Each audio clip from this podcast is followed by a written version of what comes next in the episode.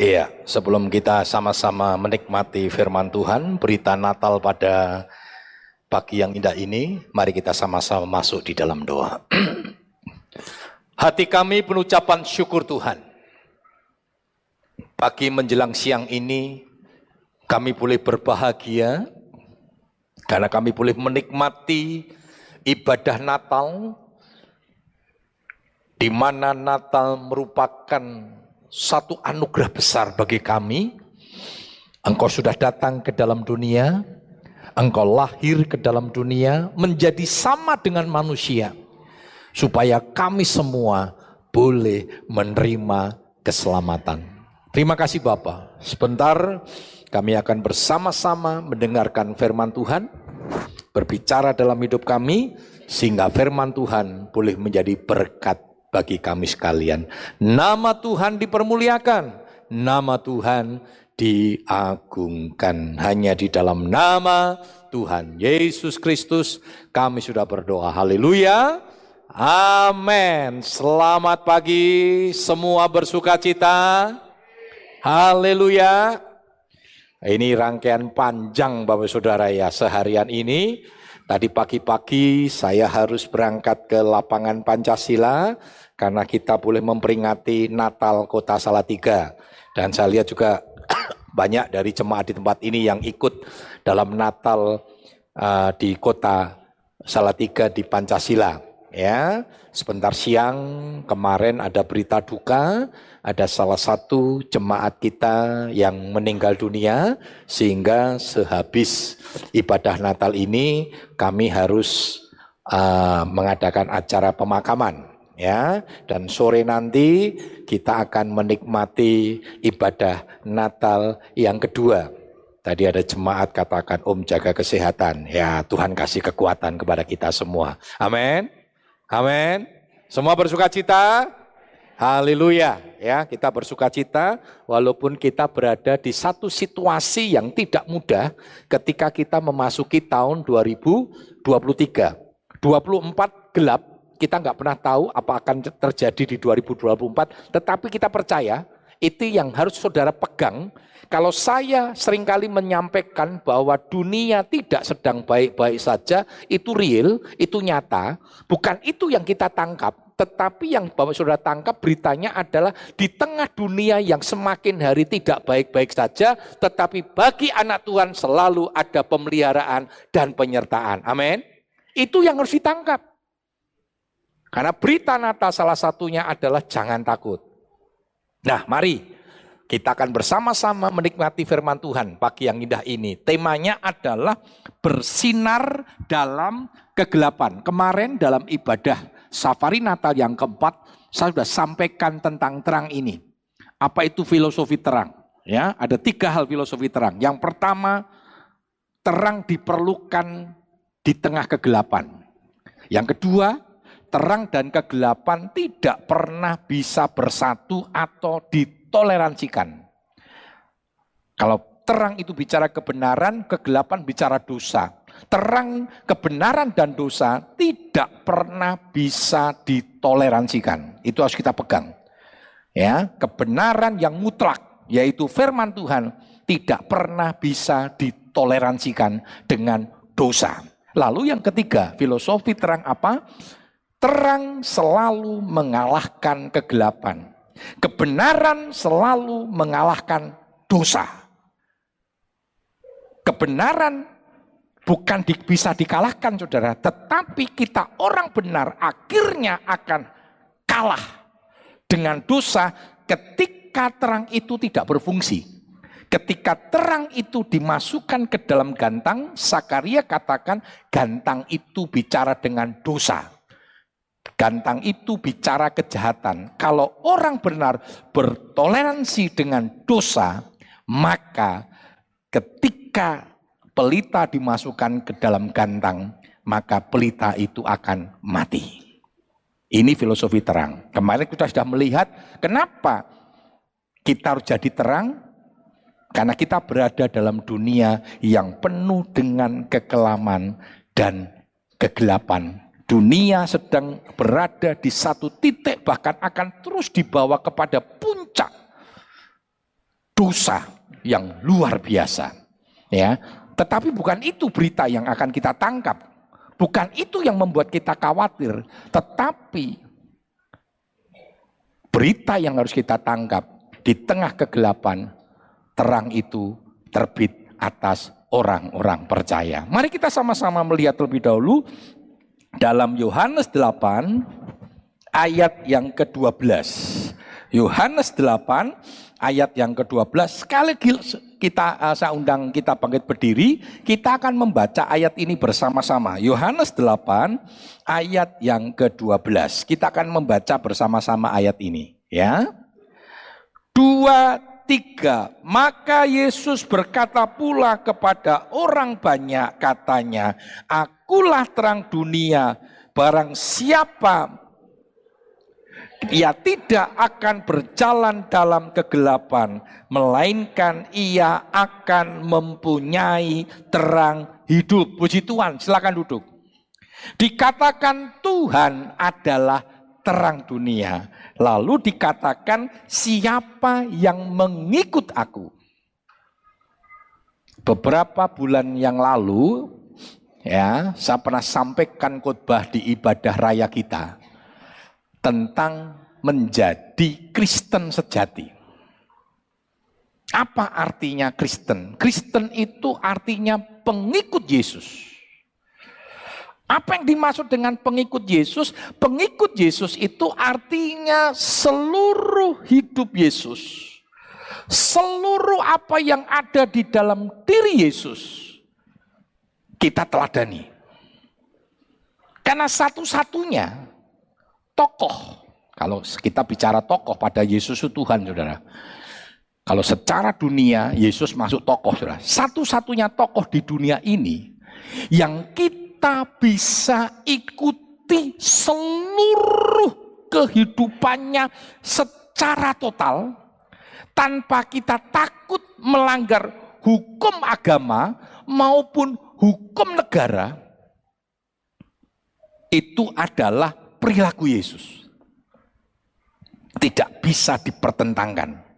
Makanya kalau kita nanti melihat ketika Yesus diadili dengan tiga sistem hukum di dalam dunia, yang pertama hukum dibawa ke mahkamah agama itu bicara hukum Taurat, hukum Yahudi. Ketika dibawa kepada mahkamah agama, Yesus diadili secara hukum agama, Yesus tidak didapatkan kesalahan. Dibawalah ke Pilatus. Pilatus mewakili hukum ketatanegaraan bangsa Romawi, hukum Romawi.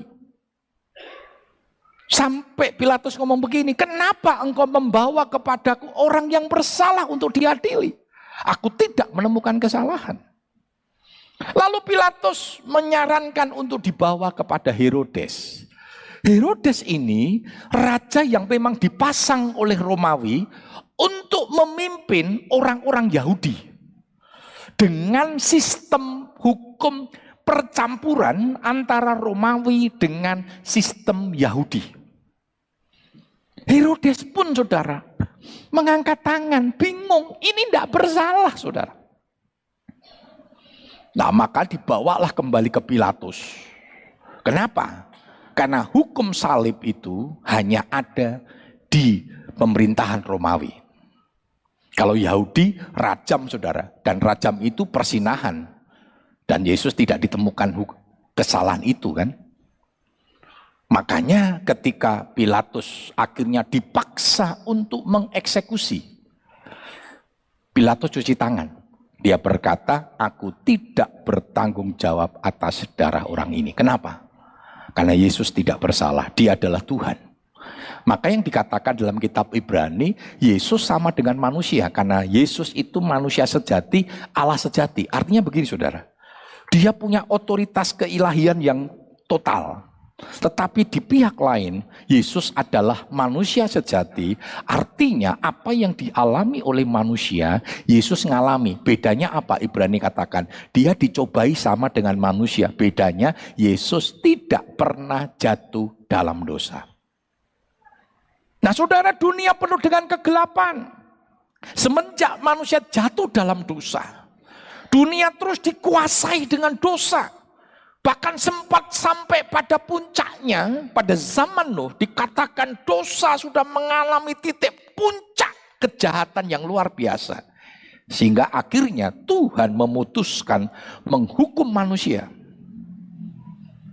Seluruh dunia dihukum oleh Tuhan, tetapi selalu sudah, ini yang kita lihat, selalu ada kasih karunia. Cuma kasih karunia itu ditawarkan kepada manusia dan manusia diberikan kehendak bebas untuk memilih. Mau mengambil pilihan itu atau tidak. Kasih karunia dalam bentuk apa? Bahtera. Tetapi nanti lihat realitanya, faktanya ternyata manusia memilih untuk tidak percaya. Sehingga akhirnya yang masuk bahtera itu hanya delapan orang. Ini punya kualitas yang luar biasa di tengah kegelapan, kekelaman. Kita nggak perlu banyak terang sudah. Delapan itu sudah cukup sebenarnya. Dan akhirnya kita tahu bagaimana Tuhan memusnahkan bumi ini dengan air bah. Dan fakta itu ada di semua sejarah, bahkan sejarah agama samawi, ya maupun sejarah agama-agama di luar agama samawi, mereka mengakui adanya yang namanya satu peristiwa banjir besar. Kalau secara dunia apa umum dikatakan banjir besar. Kalau belajar IPS ya kalau nggak salah itu disebut dengan gletser yang mencair sehingga terjadi banjir besar sehingga beberapa benua, beberapa pulau-pulau yang dulunya satu terpisah. Fakta itu nggak pernah bisa dipungkiri. Karena kebenaran Tuhan itu real. Dunia penuh dengan kegelapan. Bahkan akhir zaman berkata bahwa di akhir zaman nanti, Alkitab berkata bahwa di akhir zaman nanti dosa kembali akan memuncak. Wahyu 22:11 katakan apa? Yang kudus semakin kudus, yang cemar semakin cemar, yang jahat semakin jahat, yang benar semakin benar. Bahkan di, di beberapa kitab Injil dikatakan tanda-tanda akhir zaman dikatakan apa? Nanti manusia akan kembali seperti zamannya Nuh, yaitu makan minum, kawin mengawinkan. Dan ini terjadi. Pada zamannya Lot dikatakan jual beli, makan minum, kawin mengawinkan. Dosa-dosa persinahan akan terjadi dan sekarang kita melihat logika itu apa realita itu. Nah, karena itu dunia perlu terang. Yesus datang untuk menyelamatkan dunia dari hukuman dosa bukan dari iblis, bukan dari setan, karena Tuhan nggak punya urusan dengan setan, karena setan itu dibelenggu dengan dosa, setan itu sudah dibelenggu oleh maut. Dan setan tidak punya kesempatan untuk bertobat. Tetapi inilah kita bersyukur kita mendapatkan kasih karunia itu. Nah saudara, Yesus adalah terang dunia yang menerangi dunia dari kegelapan. Coba kita lihat di dalam Yesaya 60 ayat yang kedua. Yesaya 60 ayat yang kedua. Sebab sesungguhnya kegelapan menutupi bumi dan kekelaman menutupi bangsa-bangsa. Tetapi terang Tuhan terbit atasmu dan kemuliaannya menjadi nyata atasmu. Ini ayat nubuatan, saudara. Yesaya ini bicara tentang nubuatan. Nubuatan kepada bangsa Israel, tetapi juga nubuatan tentang akhir zaman bahwa di dunia ini akan dikuasai dengan kegelapan dan kekelaman. Firman Tuhan kemarin saya ingatkan kembali kepada kita. Dan saya sudah sampaikan ini beberapa kali di dalam ibadah-ibadah raya. Bahwa kita sedang diperhadapkan kepada pilihan, ada dua pilihan, Ya, kita harus menentukan keputusan di mana kita memilih dari dua pilihan itu. Dan pilihan itu saling kontras. Kita tidak bisa memilih dua-dua, saudara. Yang namanya pilihan itu harus diputuskan. Dan kita nggak bisa memilih dua-duanya. Yang pertama, kita disuruh memilih. Karena kita sedang diperhadapkan kepada dua pilihan, dua arus. Arus yang pertama disebut dengan dunia, arus dunia. Arus dunia sedang dibawa seperti firman Tuhan tadi. yaitu kepada kegelapan dan kekelaman. Dosa akan terus membawa dunia ini kepada titik kekelaman, kegelapan, bahkan nanti bermuara kepada yang namanya kehancuran. Dan itu firman Tuhan. Kehancuran, kenapa disebut hancur? Secara fisiknya, secara moralnya dunia hancur dan konsekuensi dari kehancuran itu ialah maut. Roma 6 23. Upah dosa ialah maut. Tetapi di pihak yang lain ada arus yang disebut dengan gereja Tuhan.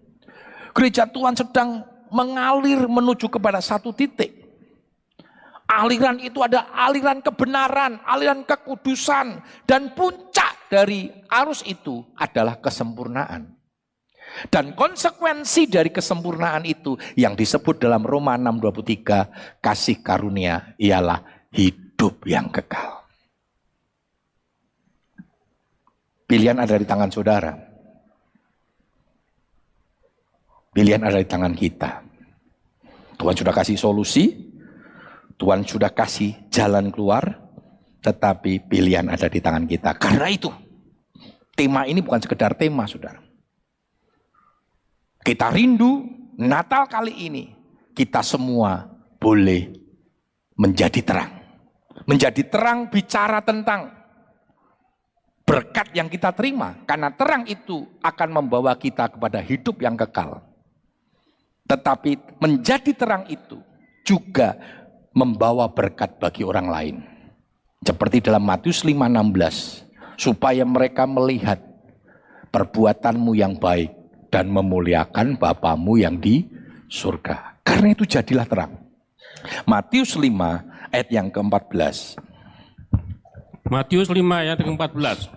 Kamu adalah terang dunia, kota yang terletak di atas gunung tidak mungkin tersembunyi. Nah, kamu adalah terang dunia.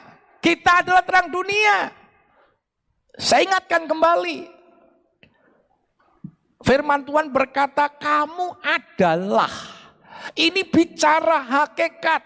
Ini bicara eksistensi. Ini bicara keberadaan. Hakikat keberadaan itu tidak dipengaruhi oleh situasi. Hakikat atau keberadaan ini tidak dipengaruhi oleh lingkungan oleh komunitas. Kita berada di satu komunitas, lingkungan, dunia yang penuh dengan kegelapan. Makanya firman Tuhan kemarin saya sampaikan ada anak Tuhan yang ngomong sama saya, Om Pie Om, aku berada di satu lingkungan yang korupsi. Jelas di mata saya korupsi. Dan ketika aku tegur, marah, aku dimusuhi. Bahkan akhirnya mereka mengharuskan saya ikut terlibat dalam korupsi itu. Apa yang saya harus lakukan om? Kalau saya tolak, saya dimusuhin. Tapi kalau saya terima, melanggar firman. Saya jawab sederhana saudara. Karena toh saya nggak bisa memaksa dia memutuskan. Saya hanya katakan begini, kau lebih memilih dimusuhi Tuhan atau dimusuhi manusia. Tokoh-tokoh Alkitab sudah mengajarkan kepada kita ada Daniel, Sadra, Mesa, Abednego ketika dia harus mempertahankan iman. Bahkan diancam sudah Sadra, Mesa, Abednego. Kalau engkau tidak melanggar firman, mati dapur api. Apa yang dikatakan mereka? Wah ini ayat yang membuat saya bangga saudara. Pernyataan dari Sadra Mesar Abednego. Dia berkata demikian. Tuhan yang kusembah akan menolong kami. Tuhan yang ku percaya, yang ku sembah pasti menolong kami.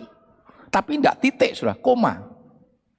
Tetapi, wah ini luar biasa sudah. Kalimat yang kedua ini luar biasa. Dia berkata, sekalipun Tuhan yang kami sembah tidak menolong kami pun, kami sekali-kali tidak akan melanggar firman, kami hidup dengan kebenaran firman. Kami tidak akan toleransi dengan dosa. Mungkin kata-kata sederhananya seperti itu, saudara. Dan kita tahu mereka harus menghadapi konsekuensi itu. Hukuman mati. Dan memang mati pasti.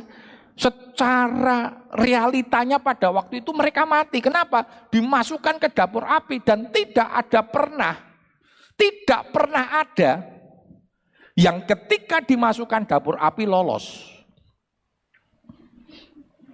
Tapi kali itu, terang itu seperti filosofi kemarin, terang itu mengalahkan kegelapan dan dibuktikan saudara. Sadra Mesa Abednego tidak mati Orang lihat bingung saudara. Waduh, dimasukkan dapur api kok malah memuji Tuhan. Tapi jangan nyoba-nyoba loh saudara. Ngonek pas neng kremasi, krematorium, aku tak melu, ya mati saudara. Itu namanya nyoba-nyoba, jangan bunuh diri saudara. Tapi ada kalanya kita memang ditantang untuk mempertahankan iman. Kami hamba-hamba Tuhan berapa banyak kami ngalami titik itu. Dan akhirnya kalau sampai hari ini saya bisa berdiri di depan saudara. Karena terang itu mengalahkan kegelapan. Amin. Walaupun tidak mengalahkan secara kekerasan. Tapi cara Tuhan yang ajaib dan membuktikan bahwa terang tidak pernah bisa diberangus, ditutup dengan kegelapan. Kecuali saudara dengan sadar menutup terang itu dengan gantang, dengan dosa. Akhirnya dipanaskan tujuh kali kan. Apa yang terjadi? Yang memanaskan aja mati sudah. Dan akhirnya Sadra Mesa Abednego. Terang itu mengalahkan kegelapan. Peristiwa Daniel sama dimasukkan ke gua singa. Siapa yang bisa melawan? Enggak ada sudah. Tapi terang itu membuktikan sekali lagi bahwa terang itu mengalahkan kegelapan. Berapa banyak sering kali kita takut. Lebih memilih takut kepada manusia daripada takut kepada Tuhan. Saya hanya katakan itu. Sekarang tergantung pilihan ada di tangan kamu, saya bilang. Saya nggak bisa paksakan kamu. Tapi kalau kamu takut kepada manusia, takut nanti dimusuhi, takut ini, ya silakan. Dan kamu lebih memilih tidak takut kepada Tuhan. Berapa banyak sering kali kita diperhadapkan pada titik itu, saudara.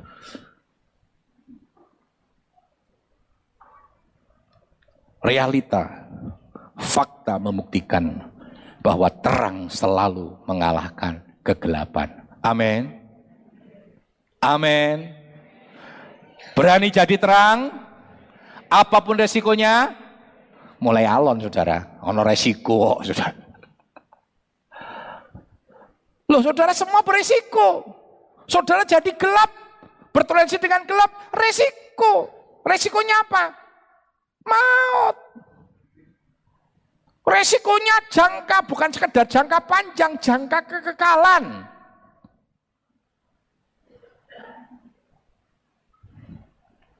Jangka kekekalan. Salah seorang tokoh, Polikarpus namanya saudara. Tokoh Kristen, dia tidak mengenal Yesus, tidak pernah mengalami masanya Yesus. Tapi dia menjadi anak Tuhan, dan satu kali dia diancam. Percaya Yesus, mati, atau pertahankan iman, hidup. Eh, salah sudah ya. Pertahankan iman, percaya Yesus, mati. Tolak Yesus, sangkal Yesus, hidup. Apa yang dikatakan sudah? Berpuluh-puluh tahun saya mengikut Yesus. Saya mengenal Yesus. Yesus tidak pernah menyakiti hati saya. Yesus tidak pernah mengecewakan saya. Bagaimana mungkin hanya untuk sebuah kematian saya harus menyangkal Yesus dan akhirnya saya kehilangan kasih karunia.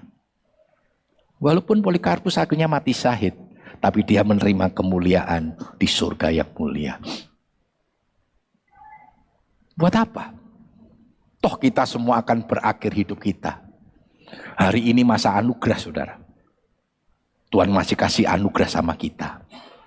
Ada waktunya nanti Tuhan akan serahkan dunia ini kepada masa antikris. Di mana keselamatan itu harus kita bayar dengan darah kita sendiri. Tapi sekarang ini kasih karunia. Mari kita percaya sungguh-sungguh jadi terang.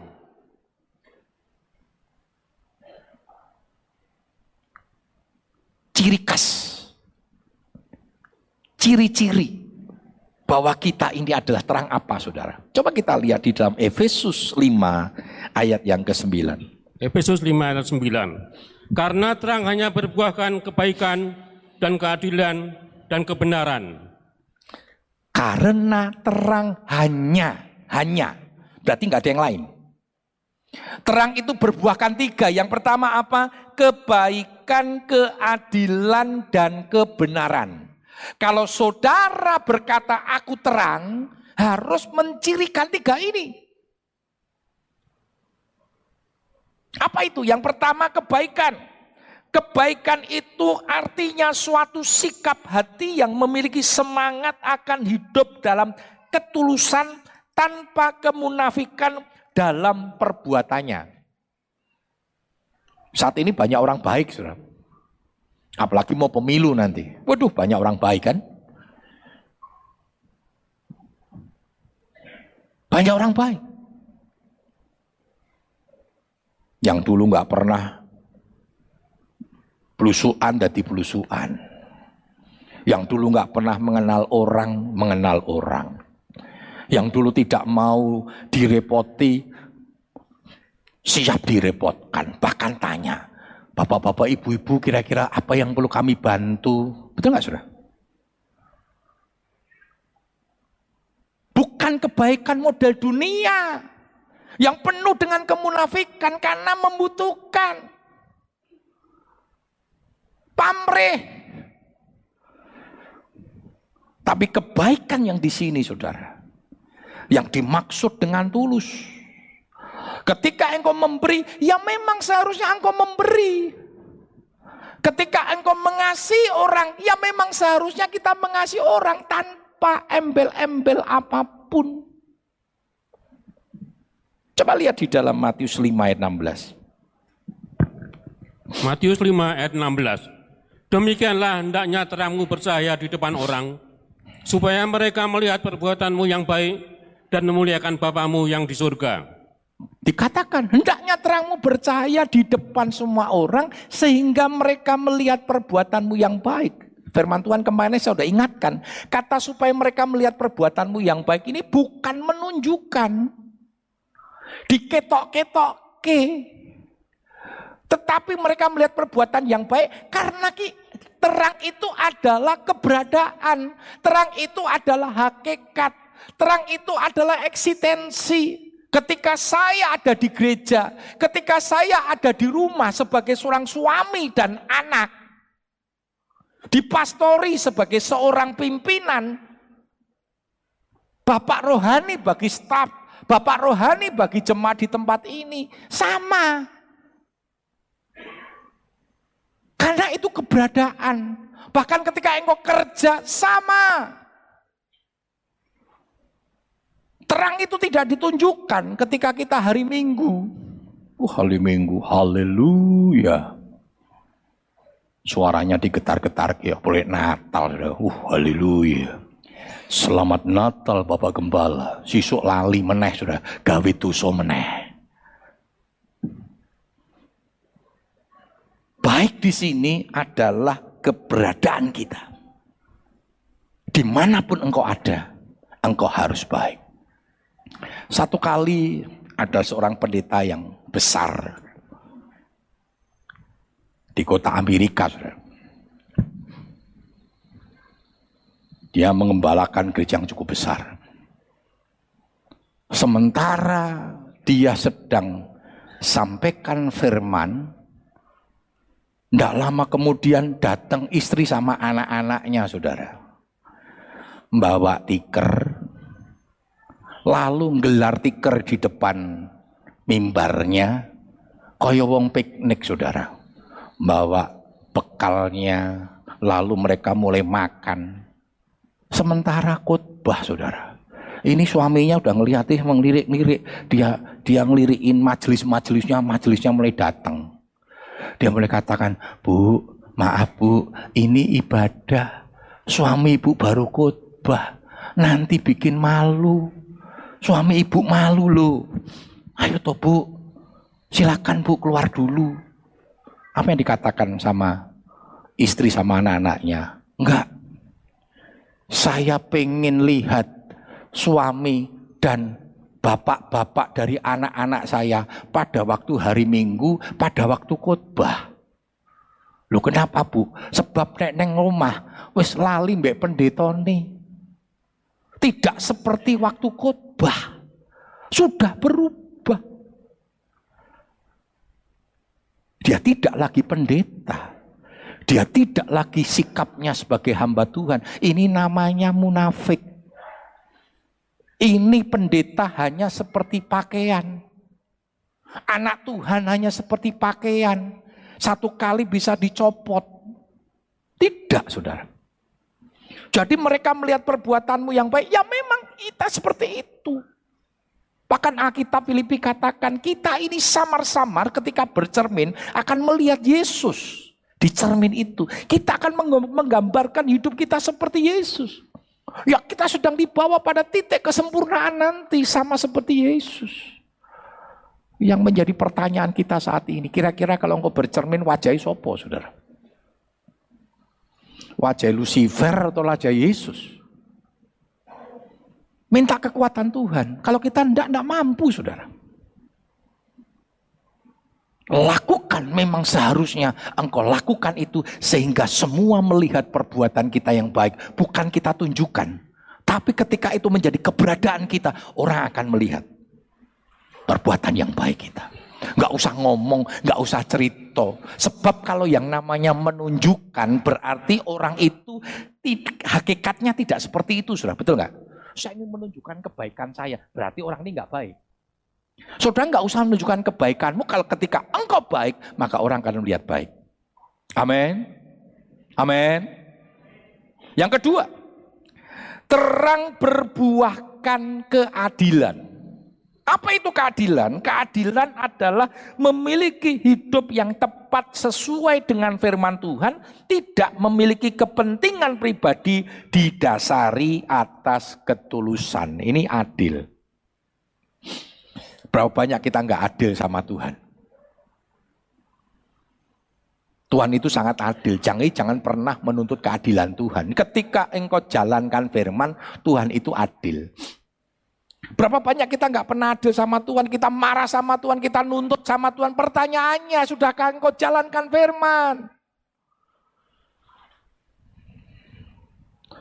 Firman Tuhan ya dan amin. Ketika Tuhan berkata, seribu rebah di sisi kiriku, sepuluh, sepuluh ribu rebah di sisi kananku, tetapi itu tidak akan menimpa engkau. Tidak menimpa ini bukan kepada semua orang. Tetapi kepada orang yang percaya menjadi pengikut Kristus yang sungguh-sungguh. Paulus berkata, hidup bagiku Kristus. Mati adalah keuntungan. Bukan kepada semua orang yang mati. Ayat ini sering kali saya sampaikan di khotbah-khotbah kematian. Tetapi saya juga tegaskan, maaf bapak-bapak, ibu-ibu yang ada di tempat ini. Ini firman Tuhan tidak berlaku bagi semua orang. Ingat itu. Hidup bagi Kristus. Kuncinya hidup bagi Kristus. Konsekuensinya apa? Mati adalah untung besar. Kenapa? Karena dia akan menerima kemuliaan seperti yang disampaikan oleh Paulus kan. Aku telah mengakhiri pertandingan dengan baik, aku telah memelihara iman sekarang tersedia mahkota kebenaran. Tapi kalau hidupnya untuk diri sendiri, nggak pernah takut sama Tuhan, mati cilaka besar. Karena dia akan menghadapi yang namanya maut. Ini pilihan saudara. Karena itu hiduplah sesuai dengan firman. Hiduplah senantiasa memuliakan Tuhan. Hidup sesuai dengan firman itu artinya memiliki kualitas hidup yang sama seperti Yesus. Filipi 2 ayat yang kelima. Filipi 2 yang kelima. Hendaklah kamu dalam hidupmu bersama menaruh pikiran dan perasaan yang terdapat juga dalam Kristus Yesus. Perhatikan saudara, hidupmu harus sama seperti Yesus. Punya pikiran, punya perasaan yang sama seperti Yesus. Minta sama Tuhan. Tuhan, berikanku hati seperti hatimu Yesus. Kan dikatakan kan, berikanku hati seperti hatimu. Berikanku mata seperti matamu. Bahkan berikanku kaki, berikanku tangan seperti Yesus. Yang luar biasa Yesus ini. Dan kita sebagai pengikut-pengikut Kristus, sebagai anak-anak Tuhan yang harusnya hidup sama seperti Yesus. Sehingga seperti pernyataan Mahatma Gandhi, saudara ya. Mahatma Gandhi pernah membuat sebuah statement. Dalam buku biografinya, dia berkata demikian. Apabila semua orang Kristen di dunia ini hidup sama seperti Yesus, maka seluruh manusia di dunia ini akan menjadi orang Kristen. Pertanyaan saya, saudara, Orang-orang di dunia sudah Kristen semua belum? Orang-orang di dunia sudah Kristen belum? Berarti orang Kristen tidak hidup seperti Yesus. Mahatma Gandhi ini pengagum Yesus luar biasa, saudara. Apalagi khotbah di bukit, saudara. Wah dia suka baca Alkitab, saudara. Buku-buku tentang khotbah di bukit itu dia menarik sekali itu. Dia kagum dengan figur Yesus karena dia sudah mempertahankan, mencoba uh, saat itu dalam konflik tentang kasta-kasta yang ada dan kita tahu itu. Di India seperti itu. Nah satu kali dia kuliah di Inggris saudara. Waktu dia pergi ke gereja, dia berpikir dia akan mendapati orang-orang Kristen sama seperti Yesus yang tidak pernah menganggap perbedaan, semua setara, bahkan wanita tunia tunasusila pun Tuhan layani.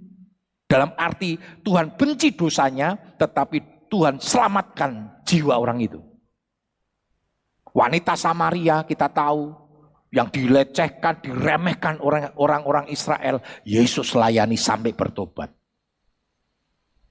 Makanya sering kali kan pelayanan Yesus kontroversi.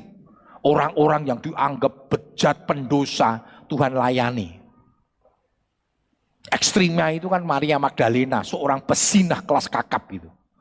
Makanya pada waktu di, di rumah Simon, Maria Magdalena nyiram Yesus dengan minyak narwastu, lalu diusap dengan rambutnya, saudara.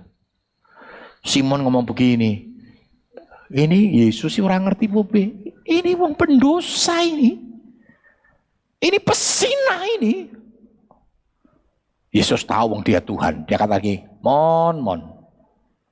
Aku datang, kamu nggak membasuh aku dengan air.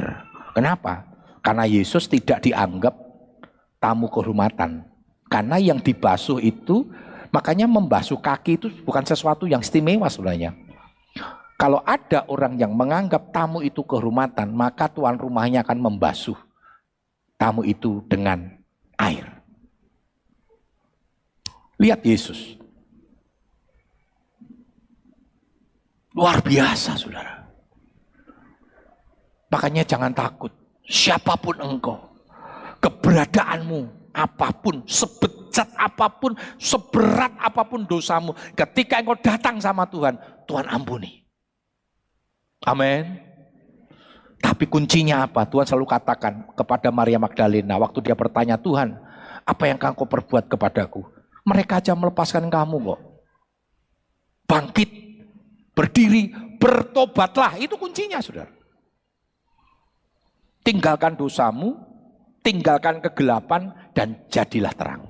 Hidup seperti Yesus. Ya.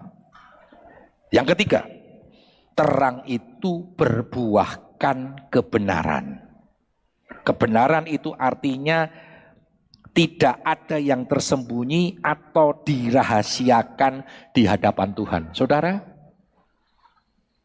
engkau bisa menutup dosamu di hadapan istrimu Engkau bisa menutup dosamu di hadapan suamimu, di hadapan orang tuamu, di hadapan anak-anakmu, di hadapan teman-teman sekerjamu, di hadapan perusahaanmu. Engkau bisa nutup itu.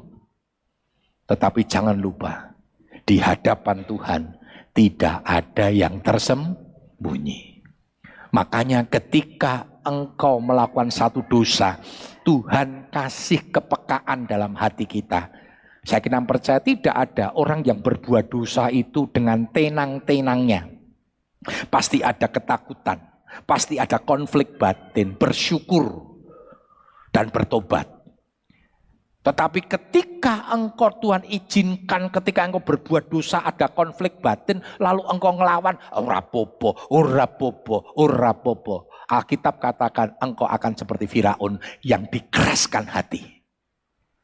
Kau sudah dikeraskan hati, sudah mengerikan. Engkau tidak ada kesempatan nanti.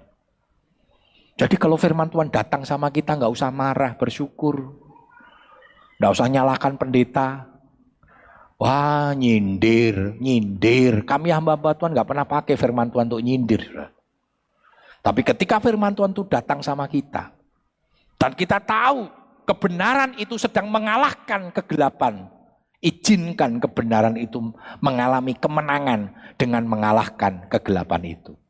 Sehingga terang itu bersinar dalam kegelapan dan akhirnya terang itu selalu memenangkan pertarungan dengan kegelapan. Kecuali saya katakan lain dengan sadar saudara memasukkan terang itu di dalam gantang.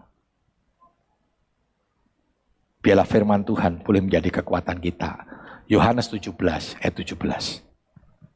Yohanes 17 ayat 17. Kuduskanlah mereka dalam kebenaran, firmanmu adalah kebenaran. Kebenaran ini adalah kebenaran firman yang bersifat mutlak. Bukan kebenaran cara berpikir kita.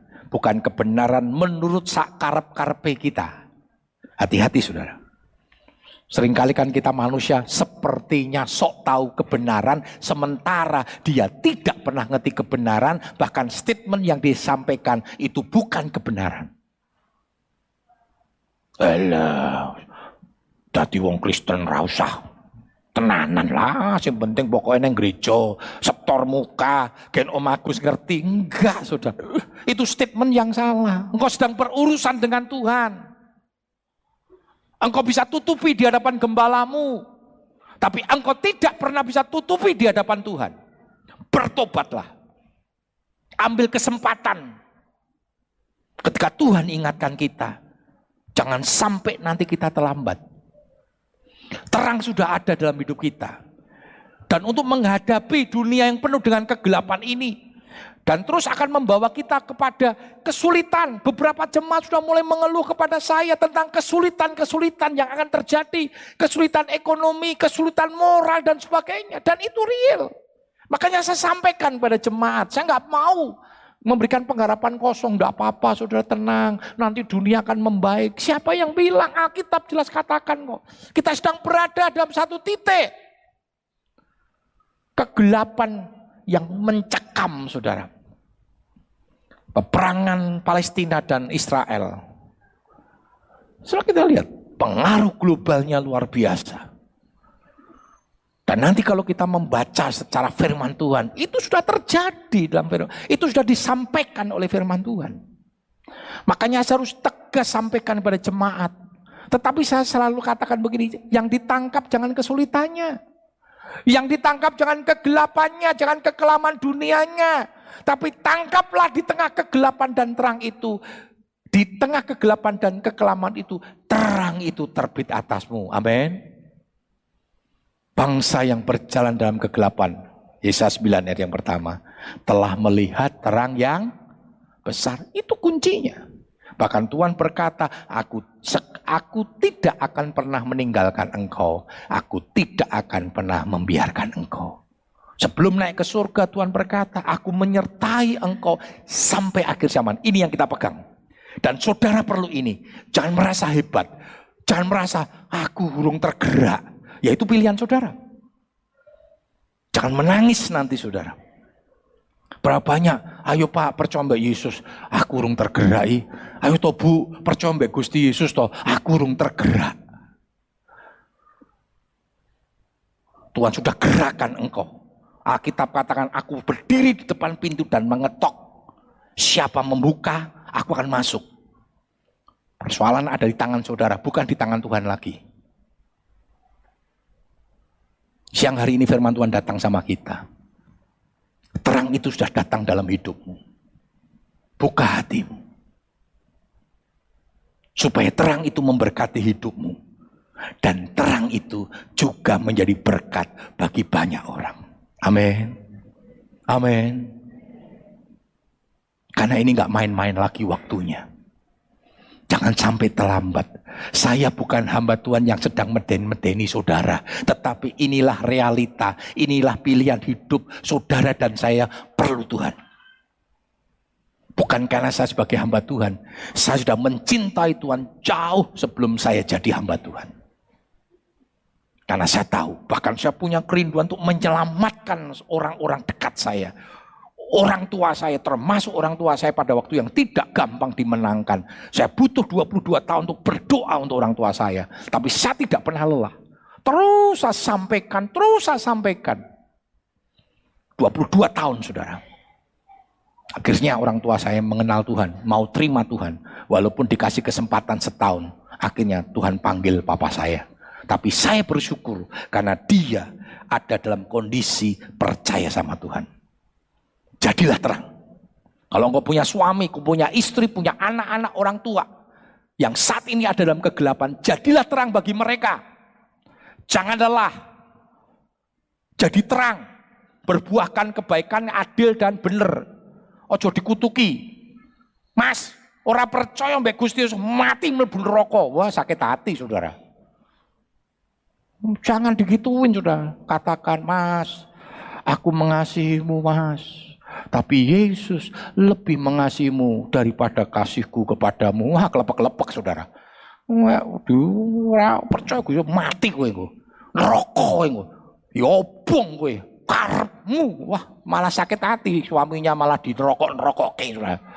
Banyak salah salah saudara. Tidak penuh kasih.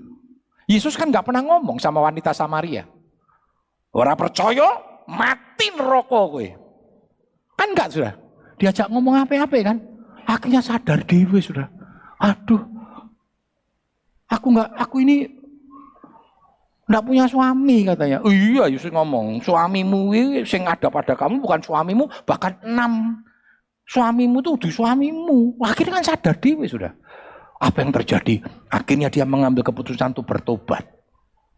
Jangan paksa orang itu bertobat. Biarkan orang itu mengambil keputusan bertobat. Tugas saudara jadi terang. Amin. Loh orang saya ngamen nih. Kita berbeban berat semua ya. Apa nih gelap kami sudah. Peteng kabeh sudah. Amin. Mau jadi terang? Selamatkan. Jadi terang. Jadi terang bagi suamimu, jadi terang bagi istrimu, jadi terang bagi orang tuamu, anak-anakmu, teman-temanmu, lingkungan pekerjaanmu, jadi terang. Jangan takut saudara. Nama Tuhan dipermuliakan karena terang selalu mengalahkan kegelapan. Ini yang menjadi kerinduan kami Tuhan. Ini yang menjadi statement kami, pernyataan kami, jadikan kami terang di tengah dunia yang gelap. Menjadi terang di tengah keluarga kami, menjadi terang di tengah lingkungan kami, menjadi terang di lingkungan pekerjaan kami, di setiap komunitas-komunitas di mana kami ada. Kami mau jadi terang. Mereka melihat terang itu dan mereka akhirnya memuliakan Bapa di surga. Ampuni kami. Kalau sering kali selama ini kami tidak peduli. Bahkan kami menaruh terang itu di dalam gantang sehingga terang itu menjadi mati, tidak berfungsi. Ampuni kami. Mampukan kami semua Tuhan. Umat-umatmu, jemaat-jemaatmu GPD Siloam. Biar mereka jadi terang di tengah kegelapan, bersinar di tengah kegelapan. Dan nama Tuhan dipermuliakan, nama Tuhan diagungkan. Hambamu berhenti berbicara, tetapi biarlah kuasa roh kudus terus memeteraikan ke dalam hati kami yang paling dalam. Kami diberkati, kami boleh menjadi berkat bagi kemuliaan nama Tuhan. Hanya di dalam nama Tuhan Yesus Kristus kami sudah berdoa. Haleluya. Amin.